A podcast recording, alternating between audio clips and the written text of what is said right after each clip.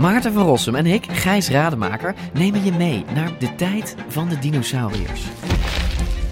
Ja, jij vindt het gemene beesten Het is gewoon eigenlijk. gemene beesten. Ja, Kijk, kijk naar ze. Beesten zijn niet gemeen. We zijn het eigenlijk nooit eens. Maar T-Rex is toch veel sexier. Nee, ik vind de kakkerlak net zo sexy als T-Rex. Ja, ik zie dat je daar moeite mee hebt. Voor iedereen die vroeger al van dino's hield en nu nog steeds een beetje, luister naar DinoCast.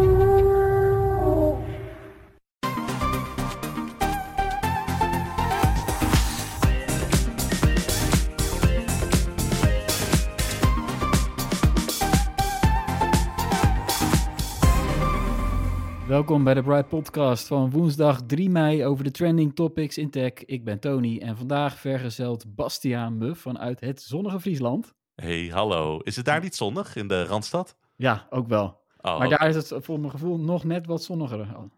het, is wel, het, het, het, het werkt meer tot de verbeelding, denk ik. Dat je de, de, de, de- het, het, Sneekermeer ziet met een zonnetje erop. Dat is nee, zeker waar. Precies, precies. Eh, we gaan het hebben over kunstmatige intelligentie. Want AI domineerde het technieuws deze week, dat mogen we wel zeggen, zeg. Ehm, de bekende AI-pionier eh, Geoffrey Hinton, die besloot na tien jaar op te stappen bij Google. En hij waarschuwt voor de gevaren van AI. Eh, en er was nog veel meer te doen over AI, daar gaan we het straks over hebben. Verder deze week eh, de strijd tegen ongewenste Bluetooth-trackers. En een groot redesign voor de Apple Watch software. We gaan beginnen. Geoffrey Hinton. Hij staat bekend als de, de peetvader van AI. Hij is eh, 75 jaar oud en eh, werkte al 10 jaar bij Google. En daarvoor eh, was hij natuurlijk wetenschapper. Hij besloot te vertrekken bij Google uit de forse kritiek op eh, de razendsnelle ontwikkeling van AI door techbedrijven, waar hij zelf eh, bij betrokken was. Dus het lijkt er misschien wel een beetje op Bastiaan dat hij spijt heeft van zijn eigen levenswerk. Ja, dat zou je wel kunnen zeggen. Kijk, Hinton is iemand die, eh, nou, zo'n tien jaar geleden, toen was hij nog eh, alleen hoogleraar. Dus, eh, en toen heeft hij met, een, met een, ik geloof twee studenten, heeft hij als project de technologie ontwikkeld die hedendaagse AI gebruikt om data te verwerken. Want kijk, hoe AI werkt is kijken naar heel veel informatie die bijvoorbeeld van het internet afkomt, leert dat doorgronden en daardoor leren ze weer nieuwe dingen doen. En de manier waarop dat dus doorgrond wordt, dat heeft Hinton bedacht. Aha. Ja, deze man die heeft eh, bij zijn vertrek eh, echt heel veel aandacht gekregen. Omdat hij ook interviews heeft gegeven met verschillende media. Ja, hij is ook echt weggegaan inderdaad, omdat hij zich meer wil kunnen uiten over zijn werk. Een tijdje geleden waren er ook brieven vanuit eh, allemaal prominenten uit de AI-wereld en uit de tech-wereld. Elon Musk en Wozniak van Apple, die hadden het ook getekend, waar iedereen bang was van, oh, dit groeit te snel, dit wordt gevaarlijk. Toen kon hij zijn naam er nog niet onder zetten, want ja, toen werkte hij nog bij Google en toen is hij wel naar de baas van Google gegaan om over te praten. En hij merkte eigenlijk steeds meer van, ja, ik vertrouw het eigenlijk niet helemaal meer. Ik vind het allemaal een beetje eng en spannend worden. Dus ja, laat ik maar weggaan, zodat ik de wereld kan gaan waarschuwen. Daar komt het een beetje op neer. Ja, nee, we gaan straks hebben dat het bij die grote techbedrijven intern ook rommelt. Vanwege het beleid rond AI. Maar eerst even zijn, zijn kritiekpunten over de gevaren van AI. Ik bedoel, daar wordt al jaren wordt daarover gesproken. Mhm. Eh, als we de belangrijkste gevaren toch nog eventjes kort schetsen. Waar zit het dan in? Ehm, nou, de- de- een van de gevaren waar je mensen altijd over hoort, is bijvoorbeeld dat AI ervoor gaat zorgen dat banen gaan verdwijnen. Je hebt nu heel veel Ja. kunstenaars, die maken heel veel tekeningen en, en, en, en illustraties. Ja, straks kan ik, er- ik kan nu eigenlijk al tegen de computer zeggen van maak dat voor mij en dan hoef ik die mensen niet meer in te huren. Dus op die manier, en dat, dat zijpelt door naar allemaal beroepsvelden en op die manier zou AI ervoor zorgen dat werk gewoon niet meer bestaat. En tegelijkertijd, omdat dat zo makkelijk is geworden, en dat is ook een van de zorgen die Hinton, eh, waar, waar die zelf heel veel over begon. Dus omdat je zoveel, zo makkelijk zoveel kan maken, is het ook veel makkelijker om desinformatie te creëren. Dus je had ook een tijdje geleden, had je die foto van de paus gezien in die hele hippe jas? Ja, zeker. Daar hebben we het over gehad, geloof ik. Ja, ja.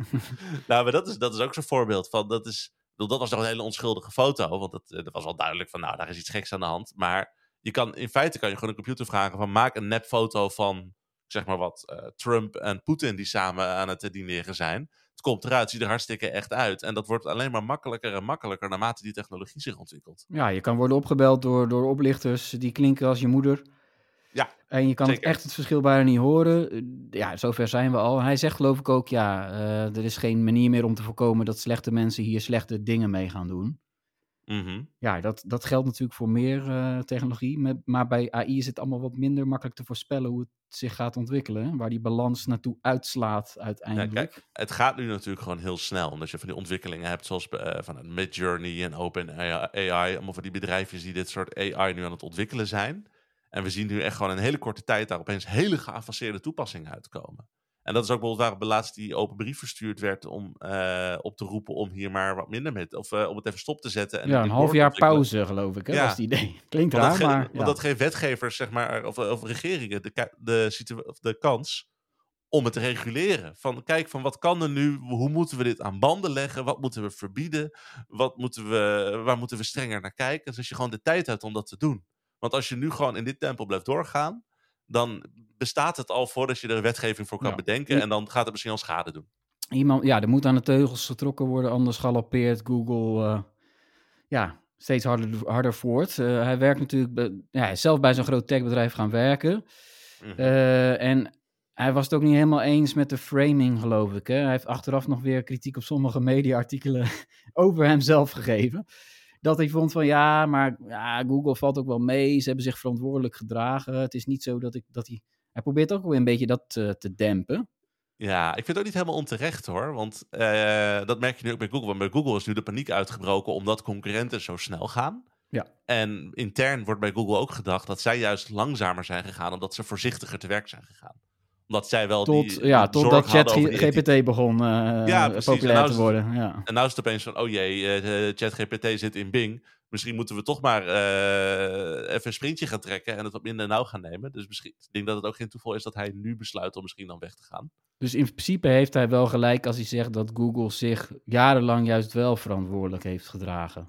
Dat Lijkt het wel vindt. op. Ja, want we horen natuurlijk ook, dat is ook de grap. Dat, bedoel, je ziet nu andere bedrijven een sprintje trekken om, ons, om voorop te lopen. Ja, Maar Microsoft- jaren geleden was het juist Google die ons liet zien wat deze technologie zou eh, gaan kunnen. Dus zij zijn er al heel erg lang mee bezig. Ook denk ik al eerder begonnen dan sommige partijen. Maar ze gingen inderdaad niet zo langzaam. En en misschien is dat inderdaad wel omdat ze zo voorzichtig waren. Maar het, het feit dat hij ook tegelijkertijd ook zegt, nu kan ik vrij spreken. Ja, dat is aan de andere kant toch ook wel weer vrij eh, veelzeggend.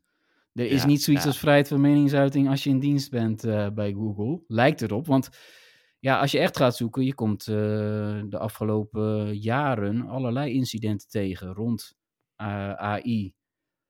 medewerkers van Google. Er zijn, enorm, het zijn er heel veel verschillende zaken, maar mensen zijn soms zelf vertrokken, maar er zijn ook wel mensen ontslagen die wezen op de risico's van, van die taalmodellen, Mhm. die nu in chatbots bots gebruikt worden.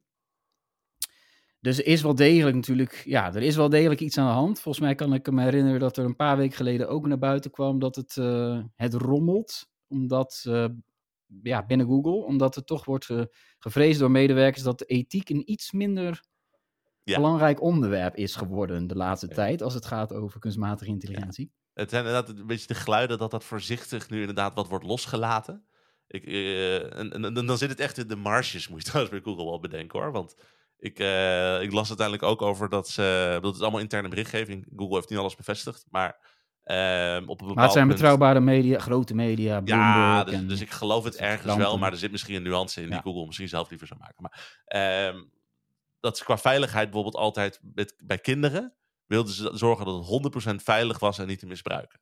En dat ze dan nu dat willen terugschalen naar 99%, dat is nu de grote discussie binnen Google.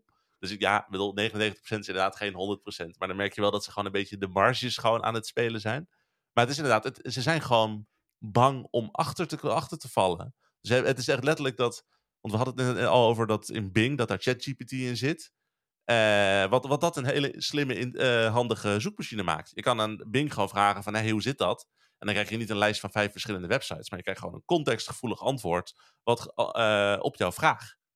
Eh, dat, zagen ze bij Google ook. Dat is van, oh jee. En tegelijkertijd zit Samsung nu. Die heeft natuurlijk eh, smartphones met, die massaal Google als standaard zoekmachine hebben. Die heeft om die reden, zouden ze nu zijn aan, aan, het heroverwegen om misschien maar eh, Bing als standaard zoekmachine te maken. Dat is echt een miljardendeal. Dat zou Google gigantisch veel geld kosten. Dus ze merken nu al van, oh jee, als, als we nou niet opletten, dan, dan, dan, ja, dan, dan, dan zijn we straks opeens misschien geen marktleider meer. Straks is Bing misschien wel de grootste zoekmachine die er is. Dus die angst heerst daar wel echt. Ja, nee, het gaat, en dat, dat gaat natuurlijk over miljarden. Jij noemde even de Samsung. eh, ja, dat bedrijf heeft zelf eh, volgens mij nog op dit moment nog geen AI-chatbot eh, zelf. Nee. Maar die was, deze week was Samsung ook in het nieuws rond AI. Ja, die hebben het niet zo heel, heel handig gedaan.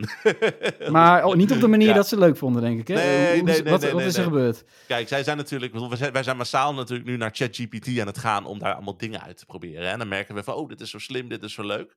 Medewerkers van Samsung hadden dat ook. Ja. Dus die hebben aan ChatGPT gevraagd van, hey, kun je mij hiermee helpen? Kun je dit voor me doen?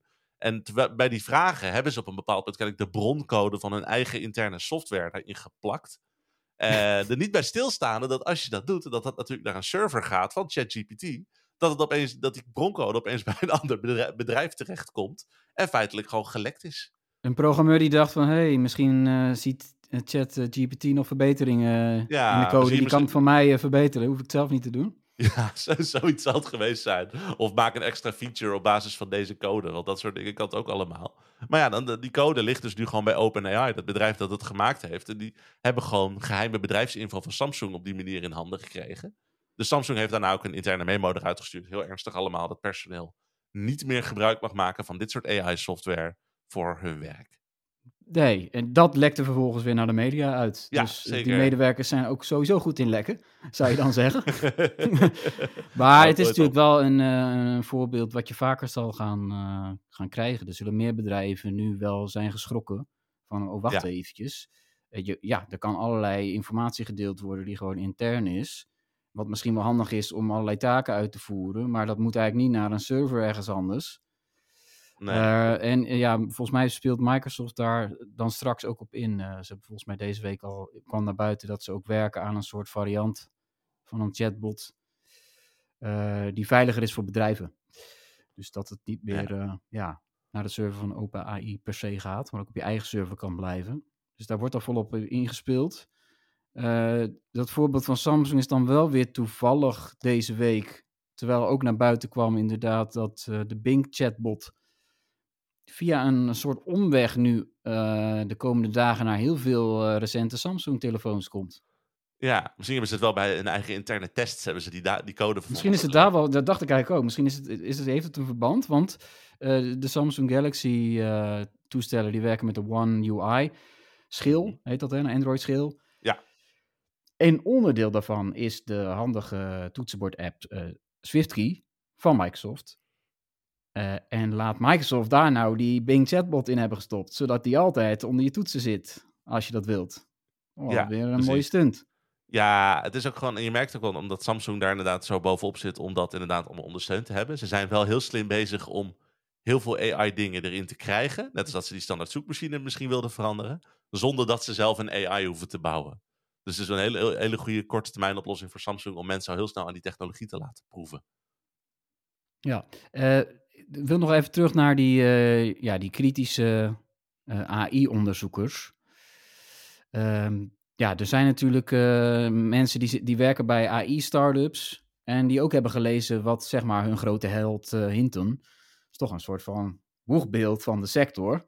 Mm -hmm. Ja, daar wordt ook natuurlijk volop gereageerd van er zijn weinig mensen die het oneens met hem zijn, valt me op. Toch? Uh, ja, nee, het is ook een beetje. Ik denk dat iedereen ook wel weet dat deze gevaren er eigenlijk zijn. En dat mensen er ook wel een beetje. Niemand durft ook te hard te roepen dat het allemaal wel weer meevalt. We hebben natuurlijk ook allemaal de Terminator gezien. Ik denk dat je nou niet de type wil zijn van... nee joh, AI kan me geen situatie bedenken waarin dat raar zou uitpakken. ja, nee, maar ook over ja, of het gevolgen gaat hebben voor je eigen baan. Sommige mensen die, uh, ja, die weten, zien dat nu al aankomen, denk ik. Uh, zeker als ja. je in de creatief beroep en de media... Uh, zelf wij zelf, ja. denk ik. Hè? Uh, Onze banen zouden... Ik, ik kan ChatGPT zo vragen om een nieuwtje voor me te tikken. Eigenlijk heb je mij niet meer nodig... Uh, voor die zijn nooit zo goed als nee, wat jij het doet. nah, ja, maar er moet nee, maar... een eindredacteur overheen, dat is waar. Maar dat is wel, die technologie is nu zo. Nou, waar zouden we over vijf jaar zijn? Je ziet het inderdaad op heel veel fronten al heel ja, echt terugkomen, inderdaad. Ja, dat, een van de opvallende reacties uh, op het vertrek van Hinton kwam van een topvrouw van het AI-bedrijf Anthropic. Mm -hmm. Catherine uh, Olsen, die, die zei van, ja, ik, ik, denk, ik, ik denk bijna elke dag over het, het, het stoppen. Het, het, het valt wel wel zeggen van de AI-wereld, om dit soort redenen die Hinton aanstipt. Uh, wat een opvallende uitspraak is voor een topvrouw van Anthropic. Dat bedrijf ken jij misschien niet, maar het is Nee, een van de bekendste, kracht, bekendste AI-startups. Die heeft al iets van 400 miljoen investering van Google gekregen. Mhm. Eh, en ontwikkelt de chatbot eh, Claude. Dat is een mooie naam voor een chatbot. Ja, eh, Ja. klinkt deftig. Ja, een beetje net zoals Jeeves, een soort butler. Ja, Ehm, die, die een soort van veiliger alternatief moet eh, gaan bieden. ja. Dus dat is wel degelijk een belangrijke rol die dat bedrijf inneemt. Als zo'n vrouw al denkt van nou, ik gooi, gooi het bijltje erbij neer. Ja, Ja. Het, het, het, het is een van de stille krachten in de, in de AI-wereld, heb ik altijd het idee. Dat ja, zij gewoon, zijn eh, dusdanig eh, groot als kleine start-up. Mhm. Dat ze zijn uitgenodigd om langs te komen op het Witte Huis eh, later deze week. Samen met Google, Microsoft en OpenAI. Anthropic is daar ook bij. En Ja. ehm, wat, wat gaan ze dan bespreken? Nou, het is, we hebben natuurlijk Biden een ma- maandje geleden als een keertje over AI horen praten. En toen zei hij ook van, nou, het is eigenlijk aan bedrijven om te zorgen dat deze technologie eh, niet voor problemen zorgt. Ja, En daarmee hebben we al e- één waarschuwing. slappe die bedrijven uitspraak. Ja, want tegelijkertijd legt hij de verantwoordelijkheid bij iemand anders neer. Van, nou weet je, doen jullie het allemaal maar. Maar eh, daarmee kwam het wel weer op de agenda te staan. Dus nu gaan eh, die bedrijven allemaal naar het Witte Huis toe. En ze krijgen daar eigenlijk waarschijnlijk min of meer hetzelfde dan persoonlijk te horen van Kamala Harris, de vicepresident. Ja. Maar daar is ook dan natuurlijk weer meer ruimte voor discussie. En dan kunnen ze ook weer eh, gaan neerleggen van oké, maar wij willen graag eh, dat we op deze manier wel of niet gereguleerd gaan worden. En dat we op die manier, eh, dat, dat die markt zich kan ontwikkelen. Dus het is eigenlijk gewoon een, een, een waarschuwingsgesprek wel. Van hey, kijk uit, jullie moeten wel zorgen dat het niet uit de hand loopt. Maar ook denk ik een soort van handreiking om ge- gesprekken erover met de overheid te beginnen in de Verenigde Staten. En hoeveel, hoe vaak eh, zullen die techbedrijven het woord China eh, laten vallen? Want ja, Ja. dat wordt natuurlijk alom geroepen in de techwereld in Silicon Valley. Ja, als wij het niet doen, doet China het wel. Dus ja, er en dat is geen pauze meer Hinton, mogelijk. eh, ja. Dat, dat was zelfs met Hinton, waar we de podcast mee begonnen, die pionier. Ja. Die doet dat in zekere zin ook wel. Hè? Want die wordt natuurlijk inderdaad, de- wat wij al zeiden, van ja, hij gaat tegen zijn eigen technologie. Toen zei hij ook al van ja, maar als ik het niet had uitgevonden, had iemand anders het wel weer uitgevonden. En dat is gewoon, dat is haast een soort van wapenwedloop. Van als wij, eh, terugdenken aan als de wij geen bommen maken, ja, Ja. Als, wij geen, als wij geen nukes maken, dan, eh, Mhm. dan doet de rest dat wel. En dan lopen we achter. En dat is ook een beetje het spanningsveld dat er ontstaat. Ja, dat, dat was ook een van die uitspraken. Want Hinton eh, had in 2015 al een, al een speech gehouden waarin hij wees op de gevaren bij een techcongres. Toen kwam uit de Mhm. zaal kwam de vraag, maar waarom, waarom blijf je er dan aan werken? Destijds al. Was zijn antwoord, ja, maar het is ook gewoon, ja, we zijn zo dicht bij een technische doorbraak. Ik, dat, dat, wilde hij gewoon meemaken. Nou ja, nou heeft hij het meegemaakt. maar dat is dan de blik van een techneut. Hè? Een beetje hetzelfde als de, de mensen die aan de eerste atoombom, denk ik, dan werkten. Ja. Ja. het is ook je vakgebied en ja, dat speelde bij hem misschien ook mee. Maar Hij het is komt ook wel heel cool, erg laat hè? tot inzicht, maar Maar het is ook wel cool gewoon, toch? Ik bedoel, ja, ik kan een AI zien die een artikel schrijft en ik, zie, ik vrees voor mijn baan. Maar ik zie ook een AI die een artikel schrijft. Dat is gewoon heel Mhm. gaaf. En dat ik denk Ja, dat ja. hij ook gewoon een soort van... eh, net als Mark Zuckerberg met VR, die gewoon helemaal opgaat in van... Ja, maar het is gewoon cool dat ik nu VR heb uit, eh, aan, aan het bouwen ben. Het is een soort van jongensachtig enthousiasme. Dat heeft die ik ook gehad. Dus ik, ik snap het wel. ja, nee, dat speelde bij hem denk ik ook eh, wel degelijk mee. Dan hebben we tot slot nog een, Microsoft-topman, Michael Schwartz, eh, de chief economist. Die Mhm. deed ook nog een duit in het zakje bij een groot economische congres. En daar had hij het ook over die, die regels waaraan gewerkt wordt. Want hij, hij vreest dan dat er te strenge regels nu gaan komen. Want niet alleen Amerika werkt eraan, maar de Europese Unie. Die zijn steeds beter in regels maken rond tech. Dat is echt zo. Ja. Ja, als die regels te streng zijn, dan zou dat de ontwikkeling kunnen haperen. Eh, ja, en dan loopt, misschien, loop je misschien ook alle voordelen volgens hem mis. Dus volgens Zwart zijn er ook ja, zoveel voordelen dat je heel voorzichtig juist moet, eh, moet zijn. Ja. En ik denk dat hij, hij noemt het zelf voordelen voor de hele maatschappij, maar ik denk dat hij denkt aan economische voordelen voor, eh, voor Microsoft als chief economist. Ja, Maar- zeker. Ja, maar dat is inderdaad ook. En, en het is.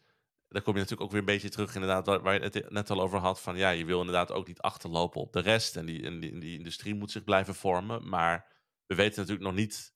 wel, Het is een beetje koffiedik kijken hoe, waar deze technologie heen gaat. En je kan inderdaad denken van, oh, we kunnen er allemaal goede dingen mee doen. Maar je, je weet natuurlijk nooit het, het volledige beeld van wat er wordt gecreëerd op basis van eh, een wereld waar je juist niet zo streng reguleert. Dus dat maakt, dat maakt het lastig.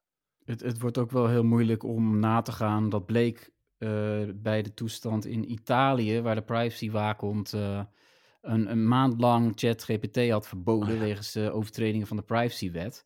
Bleek het ook wel lastig. Want ja, jouw gegevens worden verwerkt door OpenAI. Maar ja, hoe moet je dat aantonen? Dat is allemaal niet zo. Hè? Er, komt wel, er is wel een opt-out formulier, maar ja. Ja, heeft geen idee. Dan moet je inderdaad geluk hebben zoals van... Er zijn wel van die eh, illustratoren geweest die dan opeens een AI spotten die hun handtekening namaakt. Omdat ze zoveel van hun tekeningen hebben verwerkt. Oh ja, en het je- watermerk van, eh, Ja. van auteursrechten van fotobureau Getty, geloof ik. Ja, Ja, dan moet je geluk hebben dat je dat spot. Maar als de AI slim genoeg is, dan weet hij daar waarschijnlijk ook wel weer omheen te werken. Dus dat is ook weer een kat-en-muisspel. Dus nee, dat is hartstikke moeilijk.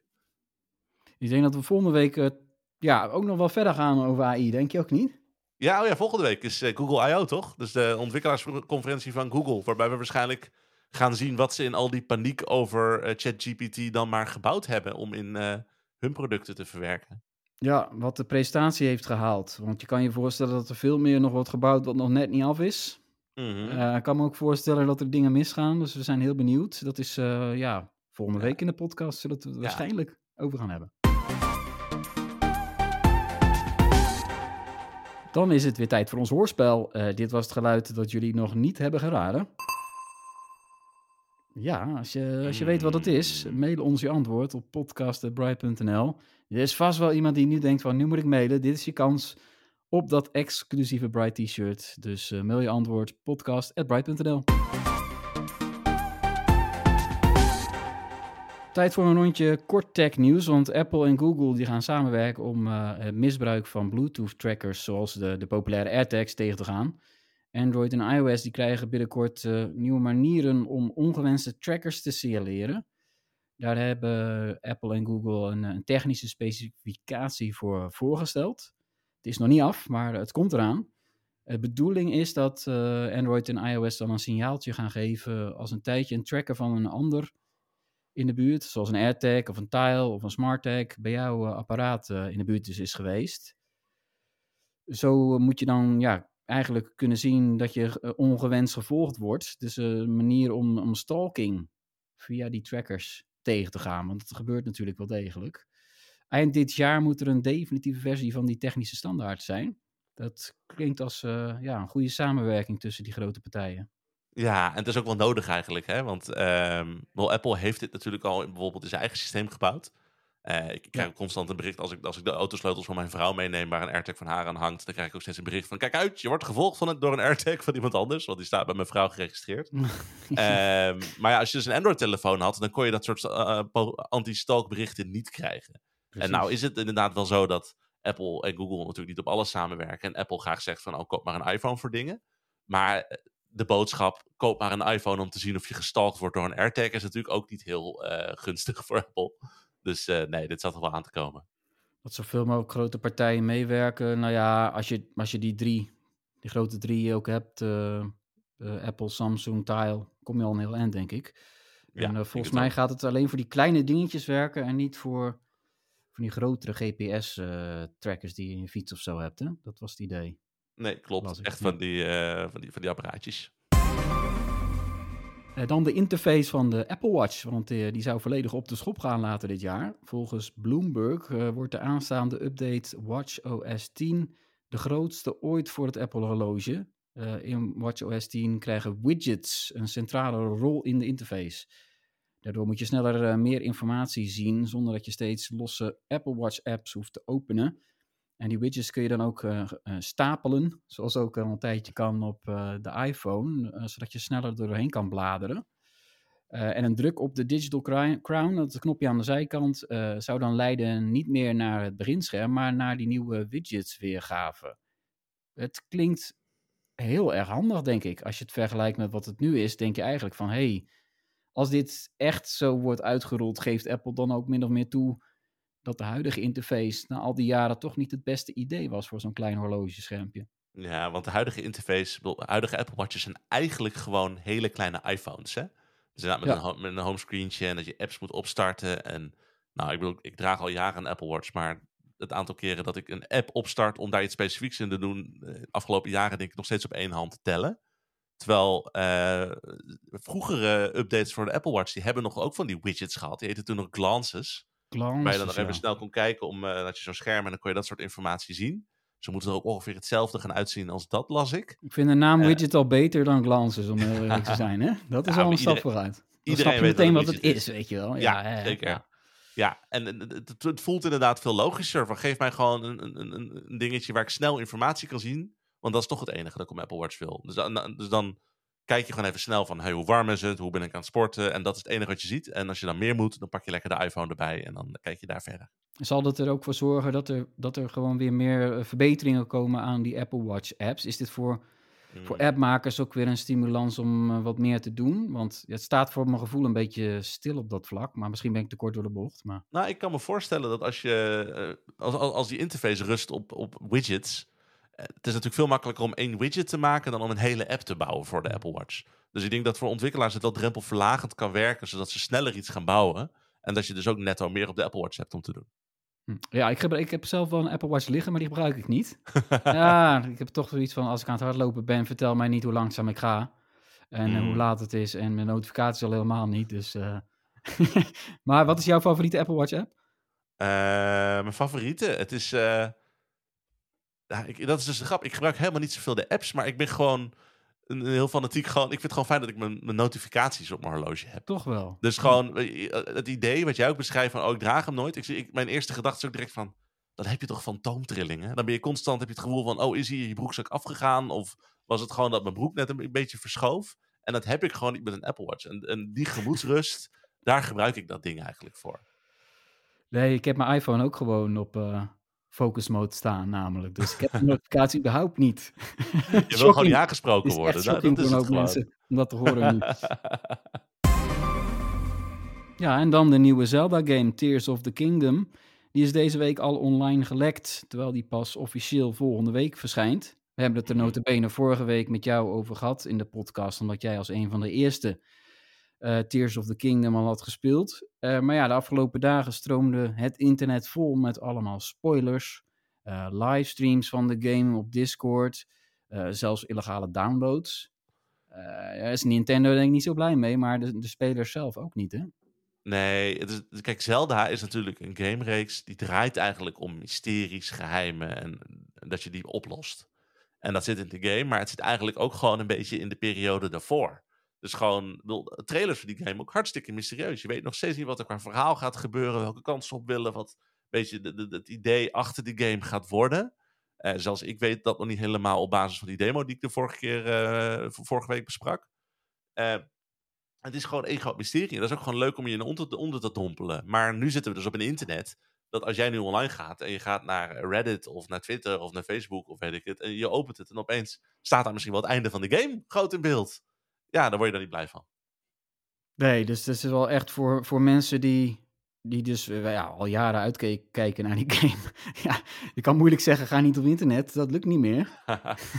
nee, dat, dat is lastig. Eh, wij zullen ook geen spoilers geven, maar... Ja. Nee, wij, wij, wij houden het spoilervrij. Dat hebben we ook met de, de, de, preview van vorige week ook zoveel mogelijk eh, gedaan.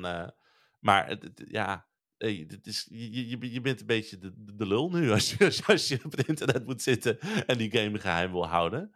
Eh, maar goed, Nintendo gaat er denk ik ook hartstikke hard achteraan. En er zijn heel veel takedowns eh, de hele tijd. Dus als iemand uploadt en iets op YouTube en vijf minuten later is het weer offline. Omdat de advocaten van eh, Nintendo weer hebben aangeklopt bij, geklopt bij Google. Dus, het is, eh, dus hopelijk weten ze het uiteindelijk een beetje in te dammen. En dat er Maar hebben die, die Veel- mensen die dat dan livestreamen, hebben die dan gewoon als soort van, net als jij als journalist, toegang gekregen of zo? Of is dat Nee, wat Of- of waarschijnlijk zo? is gebeurd, is dat ehm, een, eh, een winkelier die game heel vroeg heeft gekregen en gewoon om is gaan verkopen. Eh, want heel snel stonden er online ook eerst fysieke versies van de game voor echt honderden euro's te koop. Eh, Waren die echt of waren die nep? Nou, je zou normaal denken, van, nou, dat zal nep zijn, want het Precies. eh, twee weken van tevoren. Maar kort daarna verschenen er opeens allemaal bestanden van de game, omdat mensen die cartridges gedumpt hadden. Dus dan zou je toch denken van, nou, misschien waren ze dan toch wel echt. Dus misschien dat er, eh, ik denk dat Nintendo vooral heel boos nu met één winkelier in gesprek is. Die waarschijnlijk nooit meer Nintendo games mag verkopen. Tot slot eh, weer onze wekelijkse tips. Ik begin gewoon zelf, eh, toepasselijk in deze week. Want bij Tip is een documentaire over de Tweede Wereldoorlog. Eh, die heet Duitsers. Het Neder-Saxische woord voor Duitsers. die is te bekijken op eh 2doc. Is ook afgelopen weekend uitgezonden op tv. En die documentaire gaat over hoe kinderen de oorlog beleefden in het eh, orthodox-christelijke dorp Rauwveen in Overijssel. Dat is niet zo ver vandaan waar eh, ik een groot deel van mijn jeugd heb eh, doorgebracht. Het is zeg maar tussen Zwolle en Staphorst. Dus mensen kennen Staphorst Ah. wel. Dan, het is echt een, ja, een dorp wat destijds een boerendorp was. Wat volledig zelfvoorzienend was en een beetje geïsoleerd van de buitenwereld. Kwam je er ook dan, als je daar vroeger woonde? Ik kwam er met de auto langs als ik naar Pek Zwolle ging. Maar- Ja, het, is een mooie documentaire gemaakt door eh, Geert-Jan eh, Lasje, die zelf eh, opgroeide in dat dorp. En die spreekt dat dialect ook. En dat is echt wel, in die streek is dat echt belangrijk om een band met die oudere mensen te Ja. hebben. En de, de hele documentaire is ondertiteld. En dat is nodig ook, want je, als je niet... Ja, als je niet uit de buurt komt, kan je, zou je anders niks kunnen verstaan. Dat is een ander soort taal bijna. Maar ja. dat zijn mensen die zijn echt heel erg hoogbejaard. Sommigen eh, leven inmiddels ook al niet meer. Dus het heeft waarschijnlijk de afgelopen jaren die interviews eh, gedaan. En die vertellen hun herinneringen aan de, de oorlog. En ik geef het weer een heel ander, eh, toch weer een ander perspectief. Je denkt, ik heb alles al gezien. Maar het perspectief van zo'n boerendorpje. Ja, ik vond het wel. Er zaten wel een paar opvallende dingen in. Ze waren opvallend mild over de Duitse bezetters. Die daar Mm. waren. Die soms ook eh, onderduikers gewoon eh, zagen en gewoon lieten zitten. Dat, dat soort verhaal hoor je niet veel. Je hoort altijd van, hé, hey, het deurtje ging open en ze werden ontdekt. En meteen, ja. Ja. Maar er waren ook verschrikkelijke dingen. Dus eh, alles komt eigenlijk aan bod. En alles in het Neder-Saxisch dialect. Cool. De docu Duitsers helemaal te bekijken online. Bastia, jouw tip?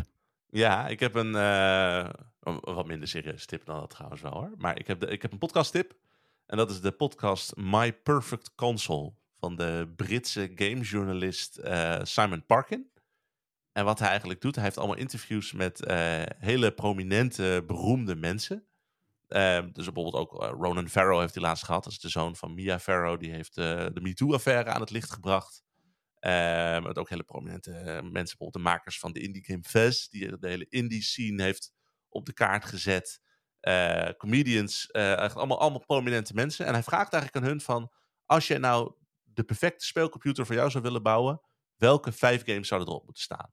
En het gaat wel gewoon over van, oh, wat maakt die games leuk? Maar hij gebruikt het ook als een soort van smoes om te praten over ja, hoe games een rol in hun leven hebben gespeeld. En eh, eh, wat er door hen heen ging toen ze dat speelden, toen ze misschien 10 of 20 jaar oud waren en daarop terugblikken. En het leuke daar, eh, kijk, wat ik er fijn aan vind, is dat het echt eigenlijk gewoon een voorbeeld is van hoe je als een heel serieus algemene podcast kan maken over iets cultureels als games. Want, ja, het doet eh, me een beetje denken aan die, eh, die series die je vroeger had over welke platen zou je meenemen naar een onbewoond eiland. mag, Ja, je, mag je er ook een paar kiezen en ja, daar komen Ja. altijd wel persoonlijke verhalen uit voor, toch? Eh, Ja, en ik denk ook dat het een soort van, het helpt gewoon een beetje om het medium games wat toegankelijker en vriendelijker te maken. Dat je opeens weet van, oh, die hele beroemde mensen, die hebben ook gewoon warme herinneringen aan dat ze Mario speelden. En die hebben daar ook een mening over, in plaats van dat het voelt alsof, de, alsof bepaalde mensen daarboven zouden moeten staan. Maar dat is natuurlijk al helemaal Het gaat dan wel vaak eh, over eh, de jaren 80 en 90. Want als ik zelf eh, zou terugkijken, denk ik, ja, ik kan, heb nog herinnering aan Sensible Soccer op de Commodore 64 of zo. Voel het spel ook Ja, eten? die, die zitten er op zich ook tussen hoor. Je had ook uiteindelijk eentje met, met Hank Rogers. Dat is, is een Nederlandse man, maar die spreekt helemaal niet zo goed Nederlands meer. Die heeft ooit de rechten voor Pac-Man uit eh, de Sovjet-Unie weten te bemachtigen voor Nintendo. Echt een beetje ook net na de Koude Oorlog. Dus is ook een, net een Was het niet Tetris? Over, eh, ja, ja zei, ik, zei ik wat anders? Je zei Pa- Pac-Man volgens mij. Oh, sorry, Tetris. Ja, ik, weet niet hoe ik daarop kom. het, het- het- het is laat. Nee, eh, van Tetris inderdaad. Ik geloof dat, ik die film ook, dat we die film misschien laatst getipt hebben ook nog. Maar ehm, eh, die is ook opgegroeid met de Vectrex en weet ik veel wat. En die, die noemt ook allemaal obscure oude spelletjes op. Die, waardoor hij het medium heeft ontdekt toen hij jong was. Dus dat geeft echt allemaal perspectief. Het zijn niet alleen maar dertigers die praten over games van 20 jaar geleden. Het is echt alle leeftijden. Ja. My Perfect Console eh, heet die. Eh, staat waarschijnlijk dan wel op alle podcast-apps, toch? Ja, of is het een exclusief dingetje op een eh, één platform? Nee, hè? Gewoon overal. Ik luister, ik luister hem gewoon in een willekeurige podcast app. Dus als hij daarin staat, staat hij overal. Heel goed. Ja, zijn we aan het eind gekomen. Bedankt weer voor het luisteren. Eh, laat gerust iets van je horen. Feedback, eh, mail ons uh, op podcast.bright.nl. Je kunt ons ook proberen te DM'en op een van onze vele, vele socials. En volgende week zijn we weer terug. Dag.